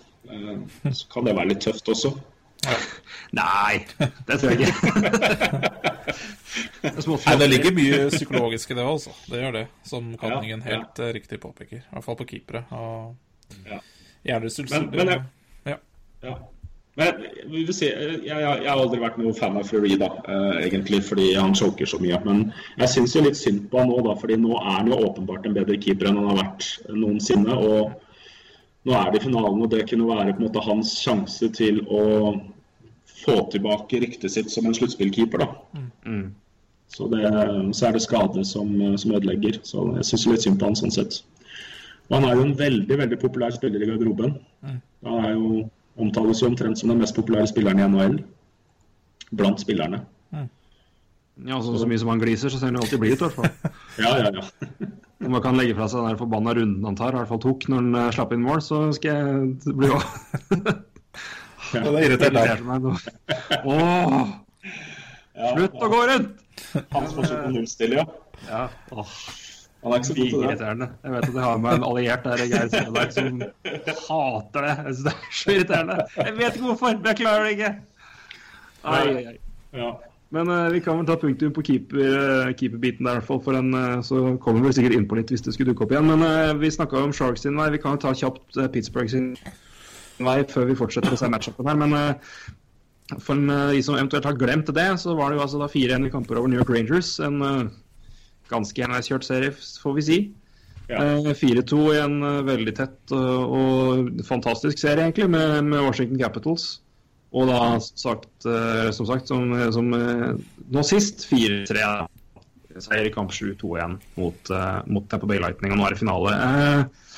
Uh, kan du si litt om, om, om veien til finalen for Pittsburgh sin del, Kvart? Hva er det som har stått fram? Uh, dette var et lag som, uh, mens Shark måtte, Sharks måtte tok litt fyr inn i, inn i sluttspillet, så har Pittsburgh omtrent spilt sånn her i ja, et par måneder i forveien før de kom inn hit. Ja. Så, eh, så det var jo si mye, mye av det samme. Men eh, hva er det som har stått fram eh, mest hos deg i sluttspillet hos, hos, hos Penguins? Det, det er, det er HBK-linja. altså. Det er eh, hvor viktig farta, farta til Carl Hagelin, Brian Rust, hvor viktig det er for å få det andre laget på hæla og måtte stresse egen sone. Um, og så er det jo artig at det var en skade på Malkin som startet egentlig hele greia. Da Hagelino, Hagelino Bonino og Kessel ble satt sammen eh, 11. mars eller noe sånt nå. Um, Kikka litt på hvordan det har gått siden, eh, siden den ble satt sammen. Pittsburgh har 26 seire og 8 tap. Og det er 34 kamper. I 30 av de 34 kampene så har de spilt mot lag som kvalifiserte seg på sluttspillet. Og likevel så har de en seiersprosent på 76. Ja, det er helt hinsides. Ja, det er jo virkelig hinsides. Det er tullete. Da er det på Montreal Canadiens nivå under Scotty Bowman, da. Så, så. Ja. Jo, det er det. Det er du faktisk. Så, så jeg, 16 er det det. Og det er, det er drøyt, altså. Det er sånn, Den røres ikke. Nei. Den, nei, den, altså, Seiersprosent på 55 er jo veldig bra. Her er det 76. Så eh, ja, jeg ser på nr.com at 17 av 21 eksperter tror på Sharks. Eh, og jeg forstår det, men eh, 26 seire på 34 kamper mot sluttspillag. Og som jeg nevnte i sted, eh, sluttspillag er gode. altså Det er, det er mange gode lag i, i NHL. Så Du hadde en Jeg tror du hadde en tweet i går om omhandla øst-vest, hadde du ikke det? En Seier eh, ja, Ja, kan ikke du Ja. ta den samme slengen? Ja, øst mot vest denne sesongen her er 227 eh, seire og 219 tap. Så det er jo veldig, veldig jevnt. Eh, husker jeg ikke helt tallene, men San Jose er bedre mot øst enn Pittsburgh er mot vest. Jeg tror San Jose har 20, 20 seire og Pittsburgh 14 eller noe sånt. Um, men det er nokså jevnt, da. Uh, Jeg sjekka det litt fordi en, uh, en kar dere kjenner godt, uh, Sverre Krogh Sunde, han, eh, han er overbevist om at øst er bedre enn vest. Men eh, jeg vet ikke, jeg. Altså. Mitt inntrykk er jo i hvert fall at eh, øst har blitt, en, eh, blitt nærmere vest. For, for det er jo skal vi si, for, Bare for to år siden så var vest mye bedre. eh, Men i fjor så var vel øst begynt å ta igjen mye mer. Jeg, jeg, jeg skrev en liten blogg på det i fjor, så det var sjekka jeg, husker. Og da, for to år siden var vest ganske mye klarere, eller bedre. Og så hadde vest tatt igjen en del i, i fjor, og så har det blitt øst eh, tatt enda et stort steg i år, men eh, hvem som er klart best, det er vel Det, det virker jevnt. Ja, bare for å ta altså, øst mot vest da, med 227 mot 219 seire. Dvs. Si at øst har en seiersprosent på 50,9 Ja. Så mot 49, hva blir det, 49,1. Så det er jo Ja, det er 50-50. Ja. Men ikke Sharks. Ja, 50. Sharks har vunnet mye, Sharks har vunnet mye så Ja. Nei, Sharks er et spesielt lag i det hele tatt med det året de har hatt. Med ja, 28 borteseiere mot 10 tap på tre. Så Sharks har jo brutt litt trender egentlig hele år. Men nå har de begynt å vinne, begynt å vinne hjemme i sluttspillet òg. Men, det er, eh, men hvis vi skal se på når vi har gått inn på, eh, på finalen og det mange, mange tror, og, det er, men, og matchupene hvordan, hvordan ser Jeg får begynne med deg, Ulv. da. Spiller ball til deg først nå, men eh, matchupen lagene laga imellom, hvordan ser du den? Ja eh, jeg, tror, tror Katningen eh, treffer bra når det blir en eh, forrykende morsom Finalserie. Eh, men eh, jeg eh, har skrev jo, eller på Viasport, at eh, jeg tror Charles tar det her i seks kamper. Og det, eh, det handler, nok ikke, handler nok ikke så veldig mye om eh, Egentlig så tror jeg jeg kunne nok ha tatt kron og mynt, men eh, men så må man prøve å vurdere lagene også. Og da, da Når man ser på det, de defensive problemene som Pittsburgh skal egentlig ha Og mens Sharks er gode i begge ender, så bør jo det her eh, bli Sharks. Men, eh, men, eh, men jeg har tatt feil før, og det sa jeg også. Så. Vet ikke om det Ja, var bra nok, men uh... Nei, men jeg klager aldri på et svar fra deg, min venn. Men uh, jeg kan jo følge opp, for vi har jo sagt det samme der. Og for min del så er jo mye av eh, Jeg syns jo det mest, som jeg nevnte tidligere, det mest spennende matchupet for min del er hvordan hvem som går ut av duellen mellom eh, laget som vil få motstanderen på hæla gjennom transition-spill og hurtig, og hurtig eh, få pucken hurtig ut av, ut av forsvar, mot da et Sharks-lag som har eh, knekt motstandere gjennom å, å gjenvinne puck i offensiv sone, grinde ned lag og, og, og rett og slett bare ja, posisjonere seg mer i offensiv sone og, holde, vinne posisjonsspillet. Jeg, det jeg har sett av det Sharks-laget i sluttspillet, har vært så imponerende at jeg, jeg, jeg holder en knapp på det på den forecheckinga der og det, den, det fysikken. Men det blir spennende å se hvordan det For de har vel de har gjort det mot gode lag, men de har ikke gjort det mot like raske lag som det Penguins er. Det skal sies at det skal godt gjøres å finne et. Men, eh, så det, blir, det skal bli en veldig interessant matchup. Så jeg heller vel en liten grad eh, mot Sharks. Altså jeg gjør det. Eh, men jeg syns den, den matchupen blir ekstremt spennende å se og viktig. Det er Hvis Pittsburgh klarer å få, å, å, å få Sharks på hæla, så blir det vanskelig. For det, i mine øyne så har den eh, det offensive presset og den, eh, den posisjonskrigen som Sharks ofte vinner, er så essensiell. For som, som du po- poengterte med, med Joe Thornton, men egentlig hele Sharks-laget, eh, Kvatt, er jo at det er jo ikke, er jo ikke et lag som, som trenger å ha fart. Det er jo et uh, dette er et lag som, omtrent, altså, som, som, skjermer og holder, holder på pucken. Og, får, får de gjort det, så er det vanskelig å spore ut her. Men samtidig så er det da Har de gjort har de møtt et eh, De har vel ikke møtt et lag som er like, like raske som Penguins i sluttspillet. Og det tror jeg er et veldig godt poeng, Bakke. Sånn, ja. Det er jo, Det er jo ingen lag som er like raske. Nei, nei. Nei, det slår meg det jo at det, det skal godt gjøres å finne et, eh, et like raskt et, ja. Så det er jo ikke Så, så altså, hvis man, Kjør på. hvis man skal ta, ja, sorry. Hvis man skal eh, trekke, trekke fram raske lag da, i, i NHL, så, så vil jeg f.eks. Det første jeg ville tenkt på hvis jeg ikke tenker Pittsburgh, er Tampa Bay. Ja. Mm. Og Tampa Bay ble tatt på fart mot Pittsburgh. Eh, Rangers er et lag som var raske. De er vel ikke så raske nå som de var, men de ble grusa på fart. Ja. Um, så jeg trodde jo altså Det første jeg tenkte da San Jose ble klar for finalen, var at San Jose kommer til å vinne Stanley Cup. Men nå, nå heller jeg litt til Pittsburgh-retning igjen, faktisk. Um, for 26 kamper på 26 seire på 34 kamper mot uh, så å si bare sluttspillag, det er helt drøyt. Ja, det er ekstremt imponerende. Og det, er, det, det gjør at jeg, gjør at jeg tenker, tenker, meg godt om igjen, det må jeg si. Ja. Og, og, og jeg, tror, eh, jeg tror Pittsburgh kommer til å ta Sharks på fart. Kommer til å ta dem klart på fart. Jeg tror Sharks er nødt til å bruke, bruke litt mer tid i egen sone. Um, jeg tror Thornton og Pavelski kommer til å skåre mye mål. Uh, men jeg tror også at Matt Murray er bedre enn Martin Jones. Jeg tror uh, Martin Jones er vel uh, ligger på 91,8 eller noe sånt. Han lå på, rundt, lå på rundt 92 før, så at han har gått ned et par, det er fullt det er godt mulig. Så, 99. Ja. ja. 91, ja. ja. Og, og, og, Murray ligger vel et hakk over der. Um, 92-4. Ja, så jeg, jeg, tror det er fordel Pittsburgh. Um, men det, jeg tror ikke det går å stoppe Pavelski og Thornton, så, så Pittsburgh må skåre en del mål. Um, og så tror jeg de klarer, ikke, de klarer jo ikke å holde uh, Roman Pollak og Brendan Dillon unna tre rekker. Så de, de, to, de, to, er nødt til å møte Crosby eller Malkin eller HBK-rekka. Mm. Ja, Det er et spørsmål, et spørsmål til deg der. Da, som, uh, hvis du er uh, Peter Bohr, hvem, hvilken, uh, hvilken, rekke kjører du Justin Brown og Mark Edward Vlasic ut mot? Ja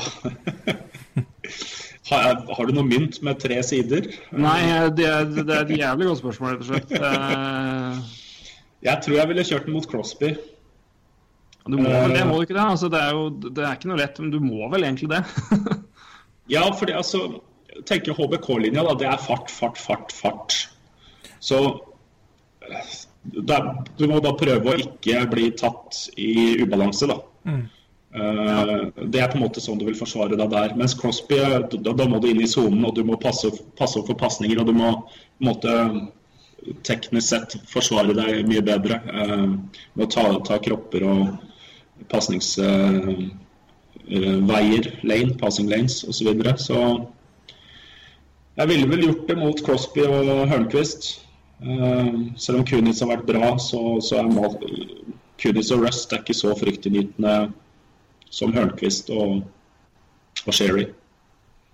Hørnquist er vel mye, mye, mye, mer fysisk krevende mann å stoppe og få han, han, må du nesten Han må du skuffe bort skikkelig. og det er, Jeg vet ikke om jeg ville sagt Burns og Martin til det, for å si det sånn. Nei, ikke sant. Jeg er helt enig i det. Helt enig i det. Så da blir det vel Crosby, da. Men uh, ja, jeg vet ikke om du vil ha Polak og Dylan ut mot HBK-rekka sin fart, da. Nei, det er det er, det er ikke det er, det er, vel ikke det er vel begge, begge lag har vel en, har vel en D-matchup som ikke frister veldig, men det er ja, ja. Men du kan si det sånn at uh, Letang kommer til å være på isen uh, når Thornton og Pavelski er på isen. Han spiller jo mer enn de gjør. Uh, nå tror jeg for så vidt at selv om jeg syns Letang er en god defensiv back, så så tror jeg nok vi kommer til å se situasjoner hvor han blir avslørt likevel, fordi Pavelski og Hertel er så fenomenalt bra. Og slutt, uh, powerplay deres er ja, selv, om, selv om powerplay til Pittsburgh er nesten like bra, 23,4 mot 27 så, så, virker powerplay til Sharks mye mer stabilt farlig. Det er alltid farlig, mens Pittsburgh har noen perioder hvor, hvor de ikke får til noe i powerplay. Så men det med utvisninger er jo et, et, et, et, godt poeng å komme på, en, og en, eh, en fin referanse til noe som har vært litt problem til Pittsburgh tidligere. Det har jo Mark Sullivan snakka om konkret, som at det her var noe vi visste vi kunne gjøre med Pittsburgh når jeg møtte dem, og det var jo det å komme under huden på dem.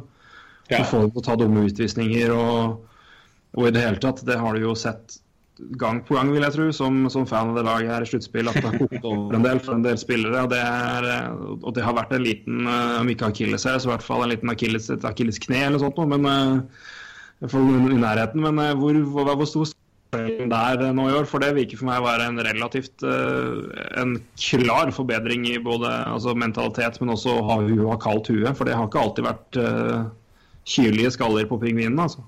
Nei, og det er, det er spesielt uh, Chris Letang og Jevgenij Malkin som sliter med det. da. De, de er nesten som noen barn der. Hvis ikke, hvis ikke dommeren ser at de blir slasha, så blir de så sure og grinte, og så tar de en retaliation penalty. Men um, ja, det det gjort, var det, når var det, var det kamp fem eller kamp fire hvor han gikk fullstendig ja, apeshit og tok fire minutter? Ja. Uh, nå var kamp fem, ja. ja. Uh, men, så, så de, de, gjør det fortsatt, men de gjør det mindre enn før, altså. Det gjør de.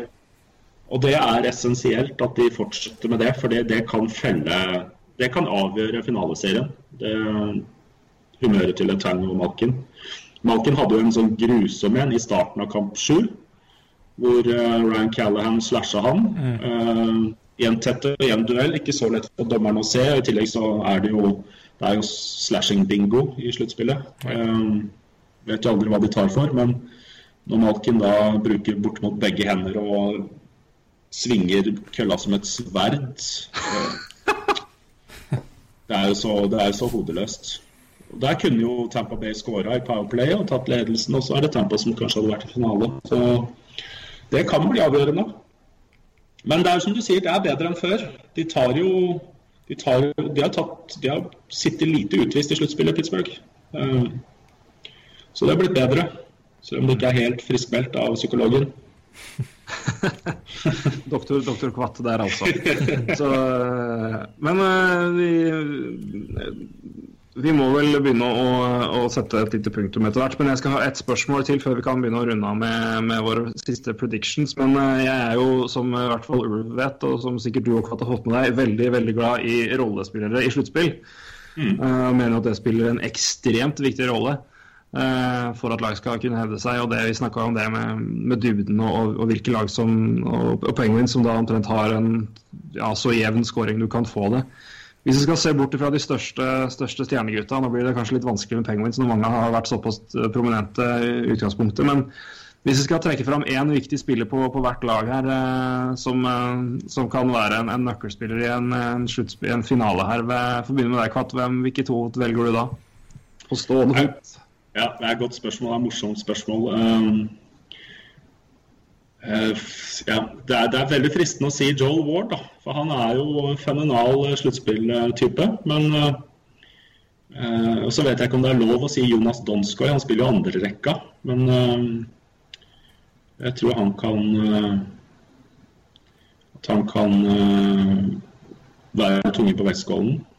Um, Donskoy er godt innafor, altså. Det er jo ikke, ikke han du ja. Han, han, trekkes fram som nummer seks-sju hvis du skal begynne å dra fram spillere. og Da vil jeg si det, der, der, det er godkjent i rekkevidde av, hvem av hvem som da eventuelt kan dra mer lass enn man kan forvente.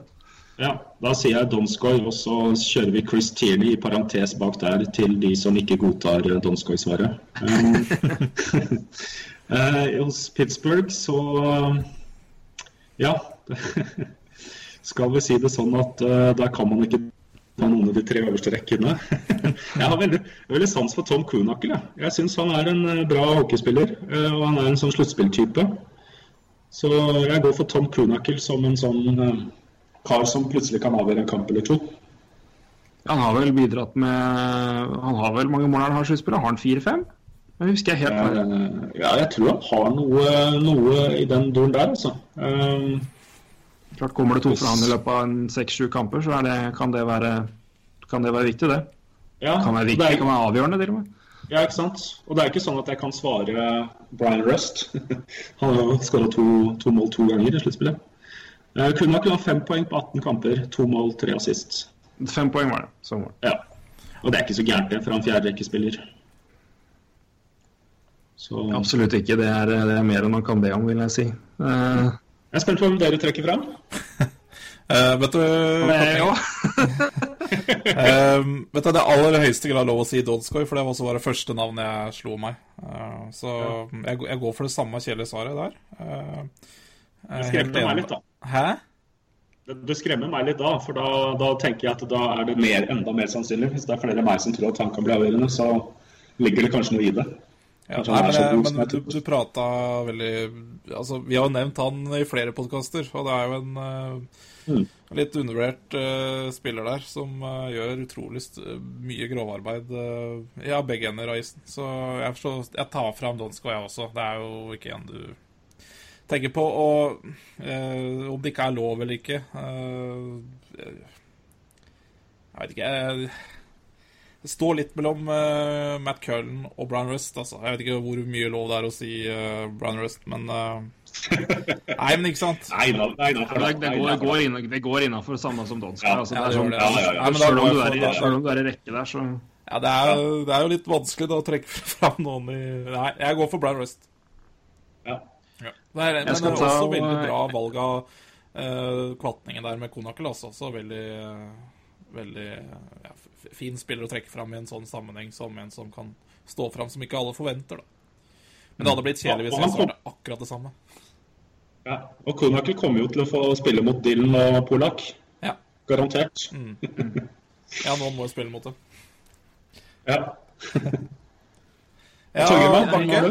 Jeg eh, må jo henge min vogn, min High Sharks-vogn på eh, en mann jeg har vært glad i alltid, og som jeg vel sa til Sam om er signerte si på klubben i sommer at eh, Ikke lov å si Torden. Nei da. Nei, men jeg, jeg sa vel det her når han, signerte, eh, sjøl om jeg da var litt eh, som vi har sagt, kritisk med tanke på hvilken retning Sharks valgte å ta da. eh, utgangspunkt i sånn det så ut. Så eh, jeg sa vel at denne mannen er skapt for å spille i San Jose Sharks. Og isolert sett er dette en fantastisk signering, og det er Joel Ward. Som eh, eh, hadde noen veldig gode kamper mot Blues, men ikke har vært eh, så toneangivende som kanskje noen ville tippe. Men eh, hvis han våkner og finner eh, den eh, ekstreme playoff-formen han har vist noen år, spesielt med Capitals, så, eh, så kan det ha mye å si for San Jose. Eh, som en eh, ja, Dustin Bufflin Light fra, da han, eh, fra den Stanley Cup-runnen som eh, Blackhawks hadde i 2010, da Bufflin omtrent var en ja, uvegelig mann eh, i offensiv sone. Hvis, hvis Ward får, får skikkelig fot, så er han vi kaller det en, en mild versjon av det. Så øh, han har jeg som en liten joker der. Det er et godt valg. Ja. Godt, godt valg. Men, øh, Penguins, det er jo men igjen, det er verre å, ta fram der. Men det, det, det er jo spillere som da kanskje spiller på høyere rekke, men som da er ikke, ikke er de som på en måte skal dra lasset, men som er der og hjelper andre. Jeg kunne vel Det er i hvert fall å strekke langt. Men jeg tenkte en liten stund på Patrick Hornquist, som er litt uh, viktig, men av og på. Men han, hvis han står viktig, viktig, virkelig fram og bidrar sammen med Crosby, så har jo det mye å si. Men han er jo ikke langt fra noen rollespiller. Men uh, jeg tror vel uh, Hvis Matt Cullen fortsetter å virkelig strekke det laget der og, og bidra Han har vært veldig veldig god i sluttspillet. og Hvis han fortsetter med det, jeg må nesten ta, han, han må vel være innafor å ta. Hvis, hvis han eh, kan fortsette å dominere og vinne og, de og Penguins får et, et overtak mot den fjerde rekka til, til Sharks, som ikke kanskje har vært så dominerende med, med, med målproduksjon, men som har vært veldig veldig, veldig gode i den i forechecking og, og, og slite ut andre lag, så, eh, så kan det også bety veldig mye. Så jeg, eh, nei, jeg tar fram en, en god gammel veteran i Matt Cullen der, altså. Det, som har jo imponert veldig i, i, i sluttspillet og i det hele tatt. Han har eh, ja, han har stått, stått, stått, stått fram igjen, og fart har han jo alltid hatt. Men at han hadde så mye igjen, det var, det var imponerende. er fremdeles for øvrig. Men uh, kvatningen Eh, Hvis uh, Pittsburgh skulle vinne det her, hvem blir MVP? Det er et godt spørsmål. Det er et veldig godt spørsmål. Det er nesten for et godt spørsmål. Jeg, jeg får si Phil Kessel. Ja. Jeg får si Phil Kessel. Er Litt sånn, ja, litt sånn in my face, da, som eh, var så negativ til traden. Um, men uh, han, har, uh, han har produsert uh, Han er vel den med flest poeng av Pittsburgh-spillerne. Um, og ja, jeg vil si Phil Kessel. Jeg er helt enig. En, en stor drivkraft på kanskje den beste rekka, den rekka som har vært, vært best, og også en, en spiller som har, har vært, i hvert fall det jeg har sett, en, en, en meget viktig mann i, i periodevis i, i Powerplay. og og vært en, vært en bra mann der. Så jeg er helt, helt enig.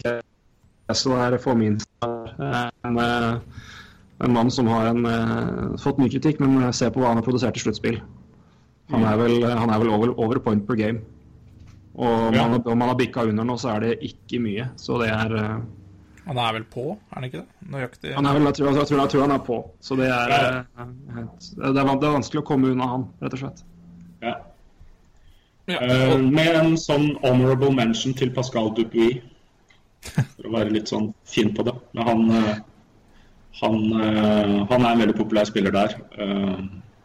så jeg tror Pittsburgh-spilleren har veldig lyst til å vinne for ham. Ja, det er Din ikke stemme, Ulv. Eh, nei, jeg er helt enig. Uh, jeg er absolutt helt enig. Så er det vel en uh, I Sharks så er det jo mange å ta fram, men Pavelski med Ja, det er 13 nesten mål er det jo Ja, men Pavelski har vel Ja, 13 mål er vanskelig å I hvert fall foreløpig. vanskelig å konkurrere mot. Så der går jeg for Pavelski, i hvert fall. Ja. Men det er klart det skal eh, spilles kamper eh, fortsatt, da. Så Ja da, vi, vi tar jo det med utgangspunkt nå, men jeg, jeg, er enig med Pavelski. Men det, det, svir å, å ikke nevne Brent, Brent Burns, altså. ja.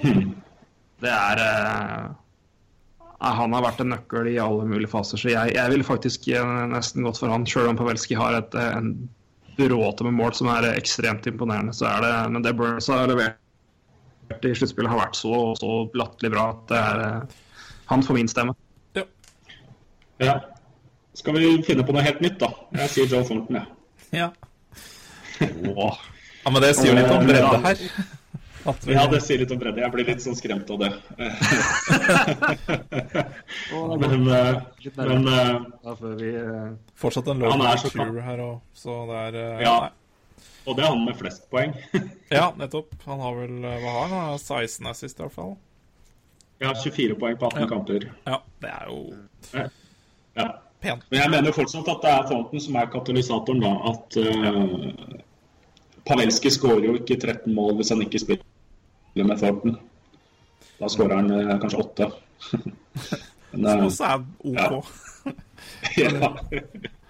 Han vil fortsatt kanskje vært delt toppskårer. Ja. At det er en, en fascinerende finalematchup når det gjelder skjegg. Det skal også nevnes. Ja, Definitivt. det er sant. Tenk, tenk at vi har snakket sammen i over en time uten å snakke om skjegg. Ja. Og det er, eh, det er rett og slett Der, der er det klasseforskjell. Så får vi se hvordan det blir på isen. Hvordan går Ja. det med skjegget ditt, eh, Men, Hadde ikke eh, du skjegg en stund her? Jo, det er jeg Ja, Var det helt sånn tilfeldig? Nei. Nei, helt Tilfeldig. Det startet, det startet helt tilfeldig fordi jeg hadde vinduet oppe natt, så fikk jeg tre myggbitt i ansiktet mens jeg sov. Så da måtte, jeg, da måtte jeg nesten bare la det gro litt. Uh, og det var i det sluttspillet starta. Og så gikk det jo veldig bra. Ja. Men jeg hater jo skjegg. Det, er jo, det klør, og det, det går utover søvnen osv. Så, videre. så til slutt så orka jeg ikke mer, så jeg barber, barberte meg. Og da tapte jo Pittsburgh to kamper på rad. Uff da. Så det, det skjer ikke noe med skjegget mitt uh, før eh, Pittsburgh er, før, før sluttspillet er over. Det må bare få vokse som det vil. Ja. Har, har det begynt å bli Jeg er bra. Er det bra, bra lengde på det nå, eller? Nei, Nå har vi nettopp snakket om Burns og Thornton, så jeg må nesten si nei. Nei, nei, nei. Det er vanskelig å sammenligne. Så vi, vi snakker Crosby 2009-kvalitet. Ja, kanskje litt mer enn det, da. Men, Nei, men det er eh, viktig med det, man, man, det, det, man, må, man må gjøre det man, man kan. Jeg får da fortelle min eh, gode fortelling apropos det. Jeg så jo alle mine Philadelphia Flyers-kamper i sluttspillet 2010. Eh, vi skal komme litt tilbake på det snart, men eh, med min eh, flotte Mike Richard-drakt, oransje hjemmedrakt som de hadde da. Unntatt i kamp 7 mot, mot Boston Bruins i Boston, når Philadelphia hadde henta opp en eh, 3-0 i underlegg til 3-3. Da dro jeg på meg Winter Classic-drakta med Ghani bakpå. Boston leder 3-0. Jeg går og bytter til Richards-drakta. Flyers vinner 3-1. Det er 4-3 både i serien og kampen. Så man, man gjør det man kan. Ja. Eh, man er ikke nødvendigvis overtroisk av den grunn, altså. Jeg er ikke overtroisk. Er ikke, et, er ikke det spor overtroisk i det hele tatt. Men det det. Så uh, Men hvorfor tok du av deg drakta? Du har åpenbart ikke hatt den på. Jeg, jeg vet ikke. Jeg tror jeg, tror jeg, jeg, tror jeg, hadde, tror hadde en det, jeg tror ironien i det her er at jeg tok på drakta fordi jeg hadde en Jeg hadde jeg, Gani skulle avgjøre, var liksom planen min. Og jeg hadde liksom måtte gi litt good vibes. Så ble det 3 tok jeg Gani-drakta til Richards, og så ble det 4-3. Og Simon Gani skåra vinnermålet. Så det, var, det, var, det, det funka på alle, alle måter, det der, tydeligvis. Ja, herlig. Herlig. Nei, men boys, Vi må runde av eh, med finalen. Vi skal gi en shout-out til uh, en, en kar som uh, er på tur. Martin Ja. Hansen er i Pittsburgh akkurat nå og skal se kamp 1. Det Følg han på Twitter for bilder og, uh, og meldinger derfra, for det er en opplevelse som han kommer til å aldri glemme, og som er verdt å få å følge. Tro meg, og det vet jeg, for jeg var i Philadelphia i 2010, eh, på kamp 3 og kamp 4 og satt live. Kamp 4, det er eh, de beste fire dagene jeg har hatt i hele mitt liv. Og det som skjedde etterpå, trenger jeg ikke si så mye om, men eh, de vant når jeg var i Philadelphia i hvert fall. Det var en, en helt tullete opplevelse. Både, både det å se kamp eh, på, på, på, på, på bar, som egentlig nesten var like, like gøy, og ikke minst da å være i daværende Wells Fargo. Ja, det het vel nesten det nå, men, men i hvert fall være live der da i kamp, kamp 4 og se den kampen der. Da vant uh, Philadelphia 5-3 mot Chicago Blackhawks. Det er uh... Så Ja, nei, så det er eh, alle gode ord. For Martins del så bør alle nå heie på Pittsburgh da, i dag. Ja. Han, han, han skulle se kamp to òg, tror jeg, eller noe sånt. Så han, det, det er jo litt av en tur. Men jeg bare tenker på Kvatningen, du som har kanskje litt peiling. Hvor, hvor mye må du ut med for en finalebillett? Ja, klart, Hvis du får kjøpt på forhånd, så får du vel kjøpt til litt vettugpriser, men eh, det er dyrt for det, er det ikke det? Jo, jeg tror det ikke Jeg tror det tredoblet seg i, i pris ja, i, i løpet av eh, kamp sju Ja. mm. mot, mot Tempe. Mm. Så eh, det er nok dessverre utenfor min rekkevidde, som driver og betaler husleie i New York. Eh, Ja. Men eh, jeg har ikke sjekka, faktisk. Jeg, jeg tipper at du må i hvert fall opp igjen 400 dollar. Jeg satt på, kan du si det, jeg kjøpte billett halvtimen etter at uh, siste kamp mot Montreal Canadiens var ferdigspilt. Uh, til kamp fire, og da betalte jeg 500 dollar, som da med ekstremt god kurs var 3000 norske. Så uh, 500 dollar betalte jeg, og jeg satt på ja, eh, hvis vi kaller det nivå to, da, oppe på eh, ikke, ikke helt opp i taket, men eh, midt på, på andre, andre nivå. Så eh, det var 500 dollar. Skal du ned, så da må du opp i mange, da må du nok opp i en tusentallet og vel så det. Ja, jeg ser her nå på nhl.com at du kan få en pakke med overnatting på Hilton i San Jose og billett til kamp 3 for, eh, med en startpris på 1255 dollar. Ja. Så 10 000 kroner, da. Så får du kamp og overnatting én natt. Ja, det, er- det, er- det er eh, Det er kostbart, Ja. Må man vel kunne si. Men, Men, men for, en, eh, for en opplevelse det må være. Så, så jeg tror jeg gjør som Martin har gjort. Hvis, hvis jeg noen gang får se Canadiens i en finale i min levetid, så, så tror jeg jeg gjør det samme, altså. ja. Du trenger ikke å begynne å spare ennå. Nei, jeg tror ikke det. Men uh, det tror jeg, det tror jeg Sharks uh, det, det gjorde nok Penguins og Sharks-fansen. Det sa nok de samme Man sa vel det samme om uh, det før sesongen, så Det sa jeg i 20, i 2010, og når Flyers kom på Flyers kom til sluttspill på siste kamp på straffer mot Rangers og havna Ja, i. Stanley Cup-finale. Så det er eh, Man vet aldri.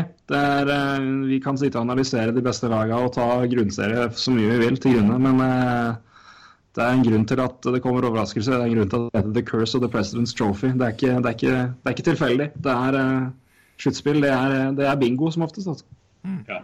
Og har du Carey Price, så kan du vinne alle kamper. Ja. Ja, sant. Men eh, når, når jeg tenker meg om, så tror jeg kanskje jeg bør begynne å spare. For eh, om det er 20 år til, så kommer jeg ikke til å ha råd. Nei, fordi Det- det blir 400 dyrt dollar i Bell Center. i USA, de kan du tror jeg tredoble i hvert fall i, i, i Montreal. Ja, Ja, eh, så, ja, det er sant. så det er nok bare å begynne å spare, tror jeg. Tenker jeg vil si. Det er det. Og det er bare å begynne å glede seg til, til kamp én for oss. Kamp én for dere som hører på før det, og resten av, eh, resten av serien for de som eventuelt måtte høre etterpå. Eh, Vi har vel sagt vårt av predictions, eller eh, Vi har fall sagt kamp seks, begge to Sharks. Uh, jeg er Ulven. Roy, hva, Kvatt, hva, hva, sier du? Du får sette punktum her med din, uh, din prediction. Jeg sier jeg Pittsburgh i fem. Oi. Ikke ja. ett engang? Nei. Nei. Her kjører vi fart. Her kjører vi fart. Pittsburgh i fem. Det, er mulig det, var, det er mulig det var supporteren i meg som svarte på det spørsmålet. ja, men... men, det er lov. Jeg forventer ja. uh, nå snaue ja, Det er vel sju timer til ja, sju, eller er mer enn det. Åtte er vel tripucken droppes, så da forventer jeg at supporteren er absolutt til stede. Noe annet ville vært meget, meget rart. Jeg regner med at du skal se Kvatningen?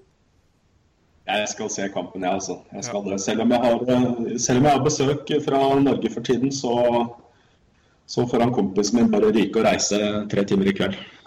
Eh, sånn er det bare. Blir det å se den hjemme, eller? Takk for at Unnskyld. Ja, ja jeg, kommer se, jeg, kommer til å se, den hjemme. Ja, det blir ikke nok en tur på byen for fjerde dag på rad? Nei. Uh, og så er det sånn, Når jeg er fan, så kan jeg ikke sitte på en pub og plutselig havne i en samtale uh, eller ikke ha øyne Jeg må sitte og se. Jeg, jeg må være klistra på skjermen. Jeg må få med alle detaljer. Så jeg er litt nerdete der. Ja. Men du er ikke aleine, tror jeg. Nei. Eh, jeg kan, jeg kan, gå og se sport på pub hvis jeg ikke bryr meg noe særlig. Mm. Uh, så gå, gå og se kamper mellom lag jeg ikke eh, heier på og sånt går fint, men ikke favorittlaget. Vanskelig å ikke bry seg i natt. Eller natt for oss, vel å merke. Ja. Mm. ja. Kat, vi sier tusen takk for at du tok deg tid og var med og greide oss gjennom en liten preview her. Jeg håper og tror at uh, både vi og jeg føler meg i hvert fall litt, litt klokere og litt, uh, litt, mer gira. Jeg håper at uh, dere som hører på, har fått finalefeelingen og er gira til kamp og er litt mer vet nå hva i hvert fall vi mener at dere bør se litt ekstra godt etter. Så Katt, jeg drister meg til å si lykke til, sjøl om du er en penguins-jævel. Hjertelig takk, Torgrim. Jeg vet det sitter langt inne for deg. Det er stort. Det gjør det. det er stort. du mente det ikke, da. Så det, nei. Ja, men bare at han, at han sier, sier det, det syns jeg er stort. Ja. Eh, respekt. Det er det men takk for at jeg fikk være med. Det er alltid en fornøyelse å snakke hockey med dere. Alltid en fornøyelse å ha deg med. Ulv, som alltid en fornøyelse med deg òg. Ja da.